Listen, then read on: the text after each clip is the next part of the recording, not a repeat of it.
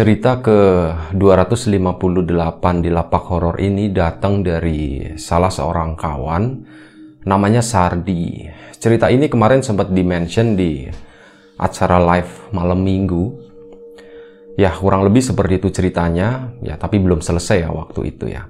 Dan sebelum kita ke cerita seperti biasa, gue pengen ucapin banyak-banyak terima kasih buat kawan-kawan subscriber semuanya Terima kasih buat kawan-kawan yang udah ngasih support, udah ngasih dukungan. Terima kasih juga buat kawan-kawan yang udah ngasih like, udah nge-share ke yang lainnya. Nggak lupa juga, terima kasih banyak buat kawan-kawan yang udah ninggalin komentar. Terima kasih banyak semuanya. Nah, cerita tentang Sardi itu kejadiannya musim panas tahun 2006. Kalau nggak salah. Jadi waktu itu Sardi uh, diajak temannya itu buat mengerjakan sebuah proyek. Ini dari dinas kehutanan atau kementerian kehutanan, gue juga kurang tahu. Ya, tapi kurang lebih seperti itu ya. Mereka dapat proyek itu buat kayak intinya kegiatannya itu kayak susur hutan, ngebelah Kalimantan dari barat ke timur dengan durasi kurang lebih sekitar 100 hari atau sekitar tiga bulan lah. Ya, Sardi waktu itu masih nggak terlalu banyak kegiatan. Masih sekolah waktu itu, cuman memang kebetulan aktif di ya, kayak kegiatan lingkungan hidup seperti itu. Wah, ini kayak menjadi suatu tantangan dan ya suatu kebanggaan juga gitu bisa dilibatin dalam acara seperti itu. Singkat cerita, Sardi dan kawan-kawan seniornya ada sekitar 15 orang di mana di situ ada empat orang cewek yang ikut. Berangkatlah mereka dari Jakarta menuju Kalimantan. Gue nggak usah ceritain detail perjalanannya seperti apa. Singkat cerita, sampailah mereka di situ ya. Di titik awal mereka mau berangkat. Udah jalanlah mereka mulai menyusuri hutan Kalimantan. Kawan-kawan mungkin bisa bayangin kondisi hutannya itu seperti apa gitu. Tahun 2006 ya hutannya itu masih lebat banget. Mungkin sekarang juga masih ya seperti itu. Dan cuman untungnya kata Sardi itu ya perjalanannya itu uh, di musim kemarau. Jadi hutannya itu nggak terlalu basah gitu dan ada beberapa pengalaman menarik pengalaman unik pengalaman yang ada bau-bau mistisnya gitu selama melakukan perjalanan itu dalam kurun waktu tiga bulan. Nah inilah kenapa cerita ini gue angkat di lapak horor ya. Karena masih ada bau-bau itunya gitu, ada bau gaibnya, ada bau horornya, ada bau misterinya seperti itu. Mereka jalan di hari ke 10 atau ke 11. Tiba-tiba mereka uh, berhenti satu rombongan di suatu titik di tengah hutan belantara ya yang masih lebat banget. Mereka berhenti kenapa? Karena semua alat navigasinya itu nggak bekerja. Baik GPS, kompas, kayak gitu. Itu benar-benar semuanya udah dicek. Itu nggak ada satupun yang benar gitu. Pertama ada salah satu orang, eh stop stop dulu ini kompas kenapa gitu ya. Ini kenapa kompas kok uh, ada miring kanan, ada miring kiri gitu, nggak jelas gitu ya, utara selatannya itu mana. Akhirnya beberapa orang lain pun ikut ngebuka kompasnya, lah bener gitu. Satu ada yang ngadepnya ke timur, satu ada yang ya ke utara, tapi satu sisi tuh ada yang ke selatan. Makanya di situ tuh bener-bener mereka tuh bingung ini kenapa, ini kenapa nih. GPS juga udah kacau balau gitu ya. Apalagi waktu itu kan kondisinya rapet sama hutan itu agak sedikit terganggu biasanya tuh seperti itu. Waktu itu bener-bener, wah kita itu di mana sih posisinya, arah gerak kita itu ke mana gitu. Karena bagaimanapun juga itu namanya di alam bebas ya, di mana di situ boleh dibilang tuh nggak ada jalan yang udah jadi gitu itu nggak ada. Mereka tuh kayak manfaatin cuman jalan, mungkin bisa jadi tuh jalan binatang atau jalan apa daerah-daerah yang kira-kira bisa dilewati gitu, tapi arahnya itu tetap jelas ke arah timur waktu itu. Udah mereka berhenti di situ ya, di tengah kebingungan udah stop aja. Leadernya tuh bilang begitu. Udah stop aja. Kita tenang dulu di sini. Kita observasi apa yang terjadi, apa yang ada di sekitar kita. Tapi jangan ada satupun yang jauh-jauh intinya lah. Jadi kayak dikasih jarak, udah kalian boleh bergerak tapi kisaran 20-30 meter dari titik kita gitu. Dan kalau bisa itu masih terpantau sama kawan-kawan yang lain. Karena waktu itu kondisinya itu udah sore.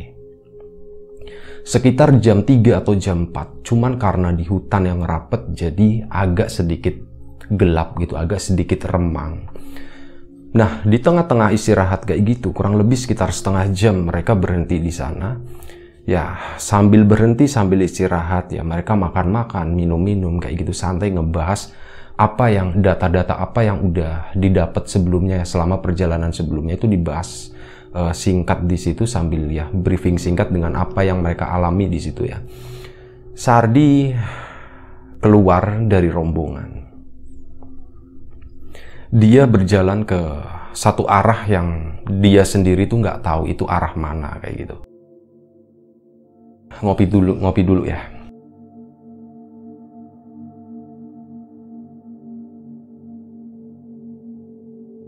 Udah, Sardi pun berjalan, menyusuri semak-semak, tapi masih kelihatan. Sardi itu masih bisa ngedenger suara kawan-kawannya di sana. Sardi pun masih bisa ngelihat kawan-kawannya dari situ juga. Dan sebelum pergi juga Sardi mau ya, udah bilang, udah izin ke teman-temannya yang di situ kalau dia mau ke sana kurang lebih sekitar 20-30 meter, nggak jauh gitu. Udah Sardi melipir kayak gitu, sekalian buang air. Setelah buang air, tetap ya buang air pun Bismillah, eh sorry Bismillah, permisi-permisi lah di situ intinya. Sesuai prosedur katanya kayak gitu, buang air Sardi di sana. Udah bersih-bersih. Dia tuh masih sempet nengok-nengok gitu kan, keliling-keliling katanya. Nah, di situ tuh Sardi kaget Tiba-tiba di depan dia, jaraknya kurang lebih sekitar 15 meter. Sardi itu ngelihat ada seorang perempuan. Perempuan yang usianya itu kira-kira antara 40 atau 50 tahun. Perempuan itu masih masih cantik katanya seperti itu. Dan satu hal yang sedikit aneh di mata Sardi itu, perempuan itu kan pakai entah baju apa ya Sardi nggak tahu yang jelas itu bajunya lengan panjang di bawahnya itu pakai kain yang Sardi juga nggak tahu itu kain apa sama atasnya tuh pakai kerudung kayak gitu kerudung begini perempuan tadi tuh kayak lagi ngumpulin kayu bakar set mau diangkut ke sini giliran mau diangkut ke sini perempuan tadi itu nengok ke arah Sardi Mas, kenapa mas uh, tersesat ya? Katanya seperti itu. Ditanya. Iya bu, saya tersesat. Kami tersesat di sini tiba-tiba bingung. Uh, peralatannya tuh rusak semua katanya seperti itu. Oh gitu ya, jangan panggil saya bu katanya. Panggil saya nyai aja. Oh begitu ya, iya nyai. Tadi kami tersesat itu. Lah nyai orang sini katanya. Oh iya, saya orang sini. Itu rumah saya di sebelah sana. Sardi pun ngelihat di satu titik waktu itu di sebelah kiri dia agak jauh rumah terlihat ada rumah di sana rumah kecil rumah gubuk ya yang karena jaraknya cukup jauh itu makanya rumah itu tuh kelihatan kecil dari tempat Sardi berdiri di situ oh itu rumahnya ya bu di sini sendirian bu katanya iya saya sendirian nggak takut bu di sini eh nggak takut nyai di sini Enggak, nggak takut, udah biasa katanya seperti itu. Nah, mas gini aja mas, itu teman-temannya kan kesasar. Itu nanti suruh jalan aja. Ini ke arah ini, ke arah saya. Itu ke sana aja, nggak jauh lah, mungkin 100-200 meter di depan. Itu nanti akan ada tempat yang buat istirahat lebih enak di sana, Mas. Katanya seperti itu. Oh gitu ya bu. Iya jangan di situ. Nanti di situ bahaya ada binatangnya katanya kayak gitu. Di situ tuh jalurnya lewat binatang katanya seperti itu. Ya udah Sardi pun uh, mengiyakan waktu itu. Oh iya Nyai terima kasih. Sorry ya tadi nggak boleh nyebut bu tapi suruh nyebutnya tuh Nyai. Iya Nyai uh, nanti saya sampaikan ke kawan-kawan saya katanya seperti itu kata Sardi. Oh ya udah, saya permisi dulu, kata Nyai tadi. Oh silakan, terima kasih Nyai katanya. Udah si Nyai pun ke sana. Sardi, nah waktu itu Sardi udah langsung balik badan gitu ya. Dan beberapa langkah Sardi berjalan, Sardi tuh nengok ke belakang. Lah Nyai tadi ke mana gitu kok tiba-tiba hilang, nggak ada bekasnya, nggak ada jejaknya. Dan ngeliat ke atas rumah di sana, rumah tadi, rumahnya masih ada waktu itu. Udah Sardi pun jalan balik ke teman-temannya tadi, kerombongan itu, bilang sama salah satu temennya Disu, bro, ini kayaknya kita jangan di sini deh. Uh, enakan kita maju lagi ke depan di sana. Di sana katanya ada spot yang enak gitu. Kata siapa sar katanya. Uh, ada tadi ketemu sama orang katanya disuruh di depan situ. Oh ada penduduk di sini. Oh ada ada ada penduduk kata Sardi itu kayak gitu. Beneran ada penduduk? Iya ada penduduk. Itu ada rumahnya tuh di atas sana. Nah teman-temannya tuh pada ngelihat. Oh iya bener. Ternyata ada penduduk. Nah di situ orang-orang yang sebenarnya udah agak sedikit panik waktu itu itu jadi sedikit lebih tenang. Uh, membaik gitu ya. Oh ternyata ini uh, masih ada penduduk di sekitar sini itu lebih kayak ngasih efeknya tuh lebih tenang ya. Akhirnya mereka pun ngikutin kata Sardi. Ditanya sama ketuanya gimana sar? katanya. Oh ya pak tadi ketemu sama penduduk itu suruh di depan aja pak. Di sini tuh bahaya katanya buat lalu uh, buat lalu lalang binatang katanya seperti itu pak. Oh gitu ya ya udah kita jalan lagi yuk jalan lagi. Akhirnya rombongan itu pun berjalan lagi berjalan kurang lebih sekitar 100-200 meter nggak sampai 200 meter. Nah di sana ketemu sebuah titik yang longgar yang bersih yang nggak ada semak-semaknya gitu. Bersih aja pokoknya di situ. Dan mungkin sekitar 10 meter dari situ itu ada aliran air ada sungai kecil di situ. Kerucuk kerucuk kerucuk ada bunyinya. Wah bener nih kata si nyai tadi. Ternyata memang tempatnya enak dan di situ ada air juga kayak gitu intinya malam itu ya mereka udah selesai bongkar tenda di situ mereka malam itu istirahat di situ dan keesokan paginya uh, mereka baru melanjutkan perjalanan lagi. Mereka bangun pagi-pagi buta, ada yang sholat subuh dulu, ada yang siap-siap kayak gitu. Jam 7 tank mereka lanjut perjalanan.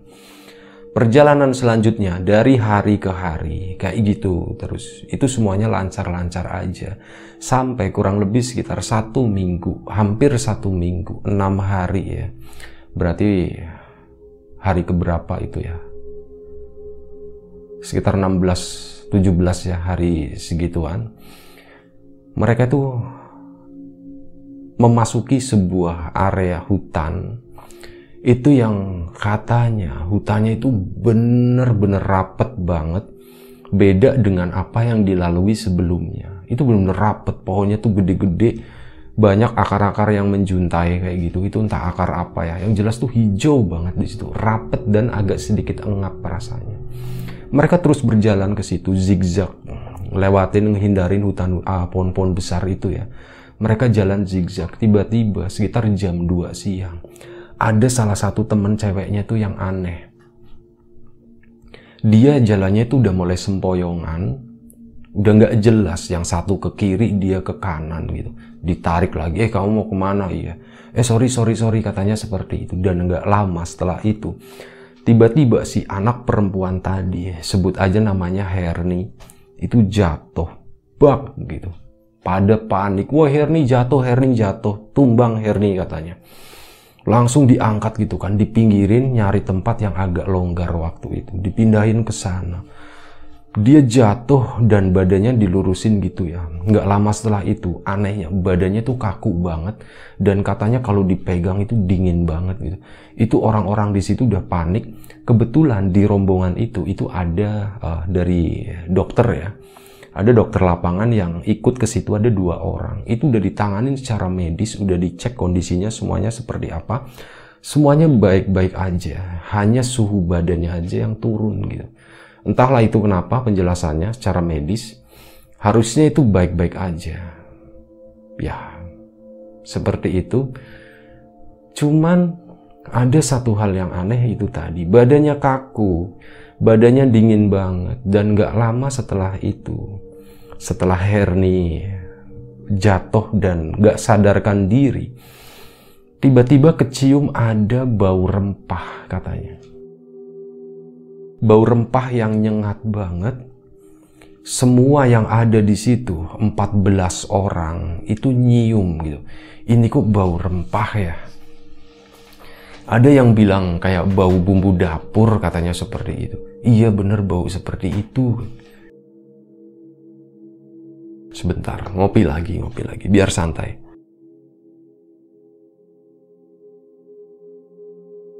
Iya, mereka nyium bau rempah. Waktu itu dengan kondisi Herni yang seperti itu, mukanya pucet. Udah, kalau kata Sardi sih udah kayak ngeliatin mayat waktu itu. Sorry, di sini tuh gerah udah kayak ngeliatin mayat kondisinya. Semuanya panik, tapi dibawa tenang. Kenapa? Karena ya sebagian ya mungkin hampir semua dari mereka itu orang-orang berpengalaman gitu ya. Yang udah terbiasa keluar masuk hutan, naik turun gunung kayak gitu. Makanya lihat kondisi seperti itu ya mereka masih tenang, nggak ada yang nunjukin kalau mereka itu panik. Kalau ketakutan itu sebenarnya ada. Oh ini apa, ini apa gitu. Ada yang berdoa kayak gitu dan Sardi waktu itu, lagi-lagi dia tuh jalan keluar. Alasannya mau apa? Mau buang air seperti biasa. Sardi keluar ngejauhin rombongan, gak jauh, paling 10-20 meter. Masih kelihatan kayak biasa ya, masih kedengeran suara kawan-kawannya. Lah, di situ Sardi tuh lagi buang air, dia langsung mundur gitu, kaget. Astagfirullahaladzim katanya. Pas Sardi mundur, dia melihat satu sosok Pas Sardi mundur, sosok itu nengok. Itu adalah sosok Nyai yang dia temui di beberapa hari lalu di belakang itu ya. Loh Nyai kok di sini katanya. Loh masih ingat sama saya katanya, kata Nyai itu. Nyai itu ramah tetap ya. Kenapa? Teman kamu kenapa? Nyai itu nanya. Iya Nyai teman saya jatuh dan ada sesuatu yang aneh Nyai. Takutnya sih sebenarnya kita berbuat salah di sini melakukan sesuatu yang nggak bener atau apa tapi kayaknya sih enggak nyai. Tiba-tiba teman saya jatuh dan dia kondisinya sekarang seperti itu. Oh gitu ya nyai. Itu tampak tenang dan dia ngadep ke arah Sardi yang tadinya kayunya udah dibawa. Ya biasa nyai itu penampakannya ngambil kayu mau diangkut ke belakang. Tapi begitu Sardi cerita itu itu kayu ditaruh lagi di bawah dan nyai itu berjalan beberapa langkah ngedeket ke arah Sardi. Nggak terlalu dekat dia hanya berjalan 3-4 langkah. Dan si nyai itu tuh begini ngangkat tangannya.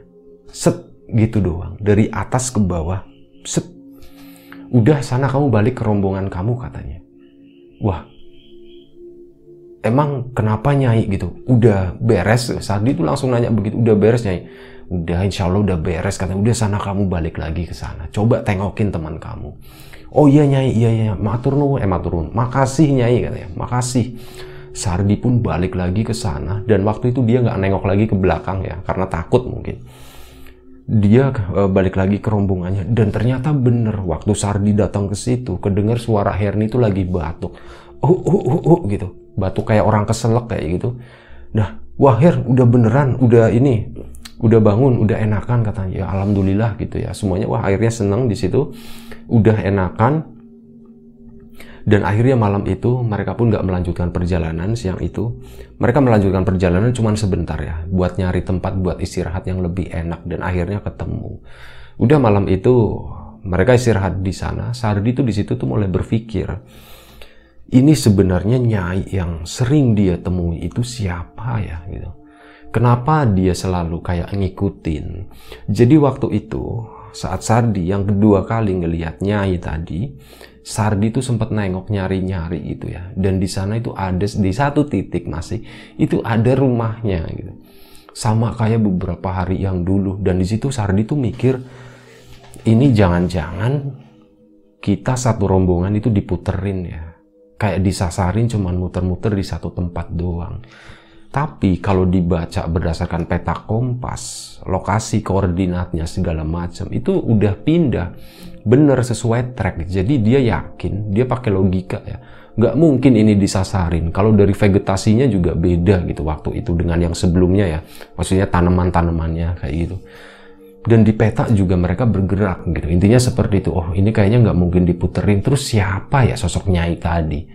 Kayak gitu terus berpikir seperti itu sampai malam sampai hari-hari selanjutnya, hari-hari selanjutnya mereka melanjutkan perjalanan lagi dan lama gitu ya. Sardi terus berpikir selama perjalanan itu, selama sisa perjalanan itu dan alhamdulillahnya sampai kurun waktu sekitar dua bulan mereka di hutan. Ya, mereka nggak menemukan apa-apa. Nggak ada sesuatu yang berarti ya setelah temannya yang tadi si Herni itu semuanya tuh lancar-lancar aja. Ya paling masalahnya kayak kayak suplai logistik telat segala macam. Karena bagaimanapun juga mereka di tengah hutan, mereka kan masih tetap uh, eh, kayak ngelewatin jalan-jalan kayak gitu kan. Nah, biasanya uh, ada titik untuk kayak suplai logistik kayak gitu tuh biasanya di tempat-tempat seperti itu. Ada pernah beberapa kali sempat telat gitu. Tapi itu bukan masalah besar. Mereka pun lanjut perjalanan sampai di bulan kedua ya bulan kedua tiba-tiba mereka itu mengalami hal yang sama. Mereka memasuki sebuah hutan. Di mana mereka tuh kembali lagi kayak pengalaman yang awal. Mereka tuh tersesat mereka tuh bingung gitu. Hutan itu tuh lebih kayak mirip hutan rawa agak terbuka kayak gitu. Uh, rawanya tuh nggak terlalu besar tapi ada endapan air kayak gitu. Pas masuk ke situ itu bener-bener kayak kompas kayak gitu itu nggak berjalan gitu. Sama bikin bingung semua tim akhirnya mereka pun harus berhenti di situ. Dan berhenti di situ itu selama dua hari. Karena apa? Karena mereka bingung. Sekalian ya udahlah istirahat aja di sini gitu ya. Tapi agak minggir. Kenapa? Karena kalau terlalu deket rawa juga bahaya waktu itu kan. Mereka agak mundur gitu mereka tuh sebenarnya begini, waktu itu kebutuhan mereka tuh gimana caranya bisa ngelewati rawa ini tanpa harus nyebrang gitu. Bingung kan akhirnya. Ya udah, beberapa hari selama dua hari mereka tinggal di sana dan di hari kedua menjelang hari ketiga sore hari tiba-tiba Sardi itu ngelihat ada satu orang perempuan yang dia kenal yang udah beberapa kali dia temui di kejauhan sana. Di sebelah kiri ya, bukan di seberang rawa, tapi di sebelah kiri. Sardi itu kayak nyai yang itu katanya. Tapi waktu itu Sardi tuh nggak berani ngasih tahu yang lain ya. Sardi coba jalan sendiri. Bos uh, lapor ke ketuanya ya bos saya mau ke sana dulu mau ngecek uh, kondisi di sana. Kelihatan dari sini kok katanya. Oh ya silakan silakan. Sardi pun berangkat jalan ke sana. Jaraknya sekitar 40 meter dari tempat dia dan kawan-kawannya duduk ya. Ngopi lagi, ngopi lagi.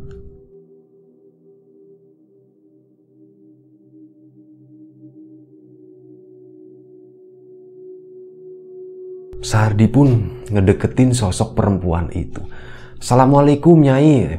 Waalaikumsalam. Loh Mas Sardi masih di sini katanya. Iya Nyai kita tuh tersesat lagi. Kita nggak bisa, kita nggak berani nyebrangin rawa itu. Takutnya bahaya, takutnya ada binatang di bawah air situ gitu. Oh iya Mas, jangan masuk ke rawa katanya coba muter aja. Ini nanti kawan-kawan ini disuruh muter sini aja. Nggak terlalu jauh kok, rawa ini nggak besar katanya, seperti itu. Oh iya Nyai, terima kasih Nyai, tapi sebelumnya saya tuh pengen nanya, mohon maaf banget gitu ya. Nyai itu setan apa manusia? Kata kayak gitu ditanyain. Loh enak aja, saya tuh manusia katanya. Kata si Nyai tadi. Iya habisnya aneh Nyai. Ini kita kan udah berjalan berpuluh-puluh kilo ya, ratusan kilo kali kayaknya. Udah jauh banget ya, udah beberapa hari yang lalu kan. Tapi kenapa ketemu Nyai lagi di sini? Emang Nyai lagi apa sih gitu? Oh iya saya tuh ada di mana-mana katanya. Waduh di situ ngedenger kayak gitu. Wah saya tuh ada di mana-mana. Saat itu udah pikirannya udah ke mana-mana ya. Ikut ke mana-mana pikirannya. Akhirnya nanya, maaf Nyai. Nyai itu namanya siapa sih? Oh mau tahu nama saya kata Nyai tadi. Nama uh, saya biasa dipanggil, hmm, sorry, nama saya itu ini, ini, ini. Ada tiga kata yang disebutin. Tapi orang-orang sini itu nyebut saya atau manggil saya itu Nyai Wiji katanya seperti itu. Oh Nyai Wiji ya katanya. Oh ya udah terima kasih Nyai Wiji karena dari awal kita udah sering dibantuin ya dan maaf juga kalau saya dari kemarin beberapa hari yang lalu tuh berpikir kalau nyai itu setan gitu. Soalnya kan di hutan sering muncul gitu. Bukan enak aja saya itu manusia nih. Lihat nih lihat nih kayak gitu. Katanya seperti itu sambil bercanda-canda nyai nyai itu. Oh iya nyai. Ya ya percaya percaya saya nyai. Ini jadi ini ya teman saya tuh tinggal muter-muter eh tinggal muterin ini doang ke sini ya. Iya, ini teman kamu tinggal muter ke sini, itu nyampe di depan, udah ikutin aja jalan di situ. Itu nanti ngelewatin korawa ini katanya seperti itu. Oh baiknya nanti saya sampaikan coba ke kawan-kawan dan sebelumnya saya ngucapin terima kasih. Habis ini Nyai mau ke mana? Katanya ya saya mau pulang gitu. Loh pulang kan rumahnya jauh Nyai. Enggak kok itu rumah saya. Nah saat di waktu ngelihat ke sana itu masih ada rumah gubuk yang pertama kali Sardi lihat di hari ke-11 itu pertama kali nyasar. Itu ada di sana katanya Wah di situ tuh bener-bener Sardi itu bingung banyak pertanyaan tapi dia nggak berani nanyain itu ke Nyai Wiji.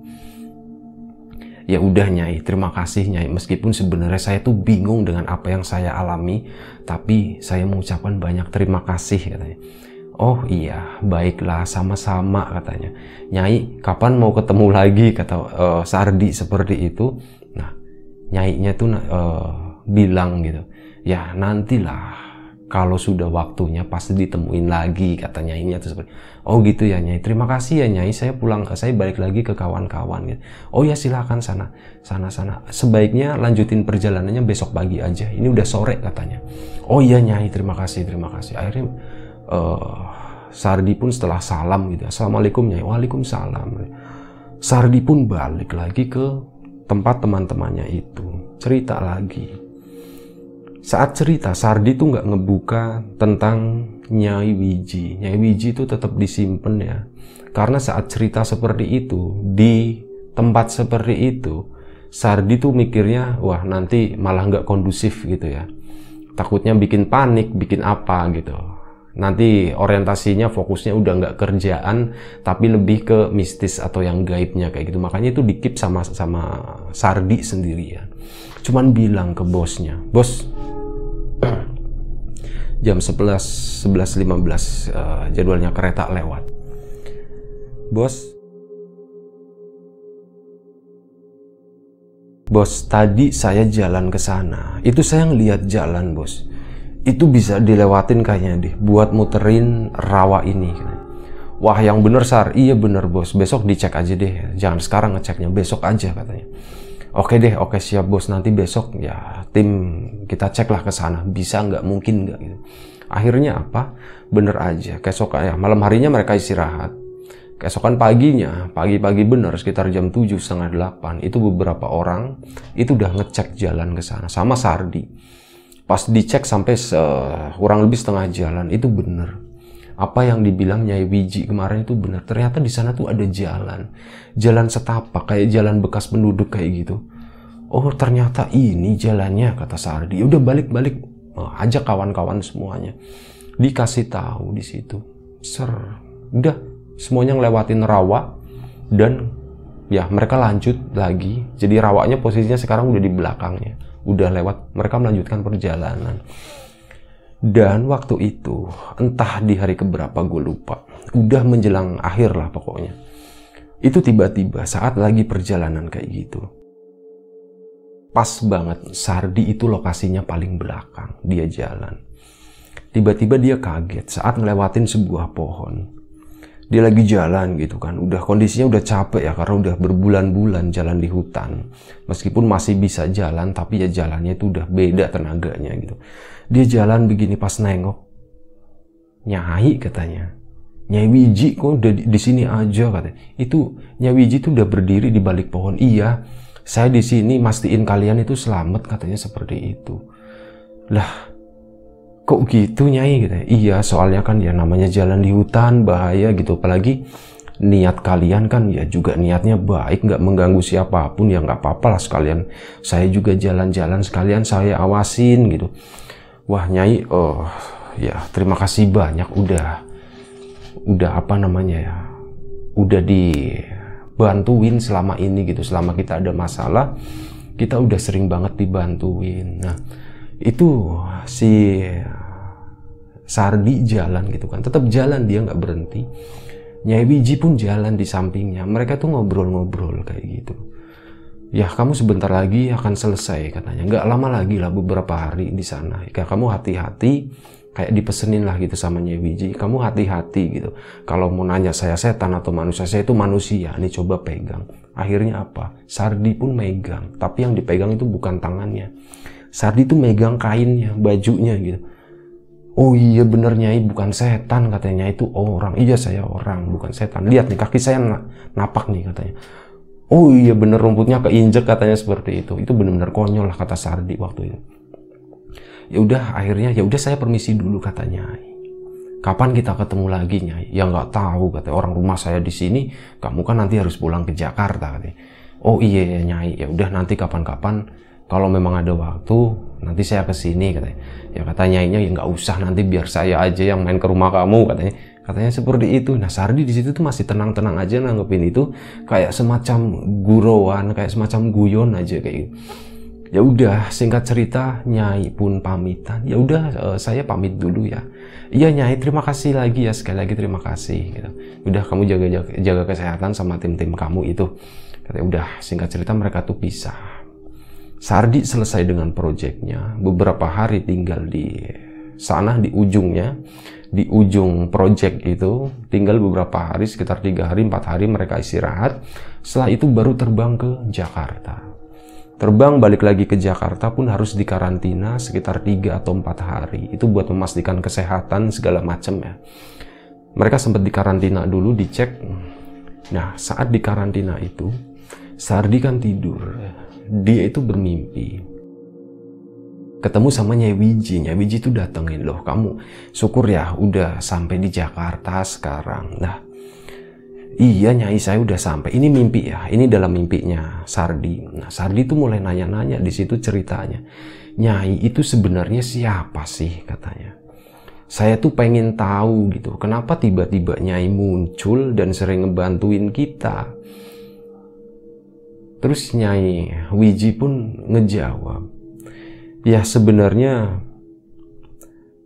uh, kamu akan tahu dengan sendirinya siapa saya. Tapi nggak sekarang, nanti di kehidupan kamu beberapa tahun ke depan, kamu akan ketemu dengan seseorang itu yang ada hubungannya dengan saya katanya. Dia nanti yang akan menjelaskan ke kamu siapa saya. Dan sebaliknya, kamu yang akan ngejelasin ke dia siapa Nyai Wiji itu. Gambarannya seperti apa ya? Seperti yang kamu lihat sekarang. Katanya seperti itu. Dan udah sejak mimpi itu dia terus nginget-nginget gitu ya. Ini beneran gak? Beneran gak? Ini mimpi kok jelas banget.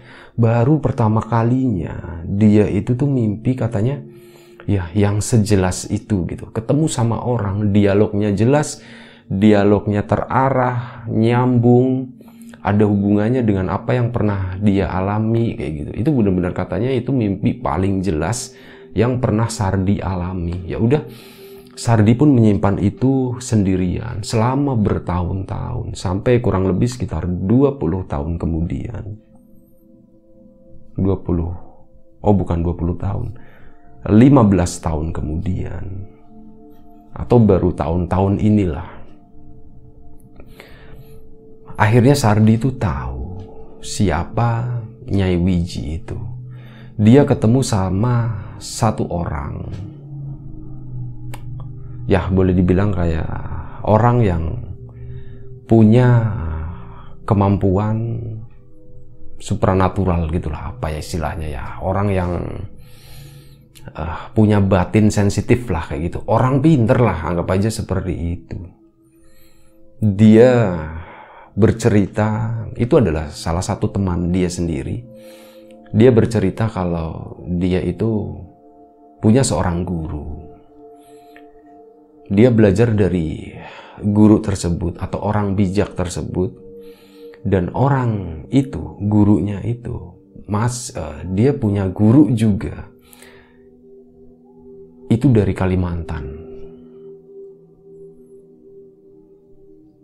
nah di situ nyambungnya gurunya adalah seorang perempuan yang sebenarnya perempuan itu adalah seorang perempuan yang usianya udah lebih dari 100 tahun tapi secara fisik itu masih muda, masih 40 atau 50 tahunan segitu. Ya, di situ Sardi nyambung dan bercerita. Kalau dia pernah punya pengalaman seperti ini, dia pernah ditolong dengan oleh seorang perempuan. Ya, seperti itu. Diceritain lagi ke orang dia dan ternyata secara nggak sengaja ada sesuatu yang nyambung gitu dan orang ini itu sebenarnya nggak pernah tahu gurunya yang di Kalimantan itu siapa sih. Nggak pernah tahu, hanya dikasih tahu sama gurunya langsung ya. Yang laki-laki dikasih tahu kalau dia punya guru di Kalimantan sana. Nah, itulah gurunya itu adalah Nyewiji. Ya, kurang lebih seperti itu ceritanya Sardi tentang pengalamannya berjalan di Kalimantan bertahun-tahun yang lalu yang ada korelasinya dengan sekarang apa yang dia alami. Dia bertemu dengan seseorang dan ternyata ya sesuatu itu bisa dijelaskan secara gamblang gitu. Meskipun sebenarnya begini, nggak semua cerita Sardi itu gue ceritain di sini secara detail karena ada beberapa yang memang sengaja gue buang karena nggak penting dan ya karena ada etika yang nggak bisa dilanggar gitu ya.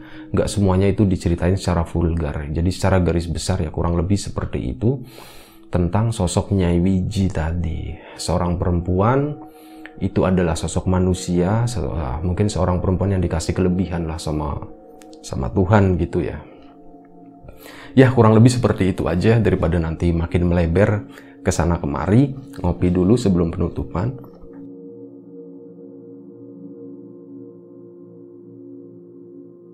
Terima kasih banyak buat kawan-kawan yang udah mau nonton, udah mau dengerin cerita tentang Nyai Wiji ini. Nyai Wiji ini adalah nama samaran yang memang nama aslinya itu nggak boleh disebutin gitu sama Sardi. Ya, sekali lagi terima kasih banyak buat kawan-kawan. Kita ambil sesuatu yang positif, kita buang jauh-jauh sesuatu yang negatif apa pun itu. Gue mohon maaf misal ada salah-salah kata, ada sesuatu yang nggak menyenangkan saat ngebawain cerita ini, ya mohon dimaafkan. Terima kasih banyak, jaga kesehatan kawan-kawan semuanya. Semoga kita tetap diberi kemudahan dalam hal apa pun, termasuk dalam kemudahan rizki. Selamat menunaikan ibadah puasa bagi yang menjalankan. Assalamualaikum warahmatullahi wabarakatuh.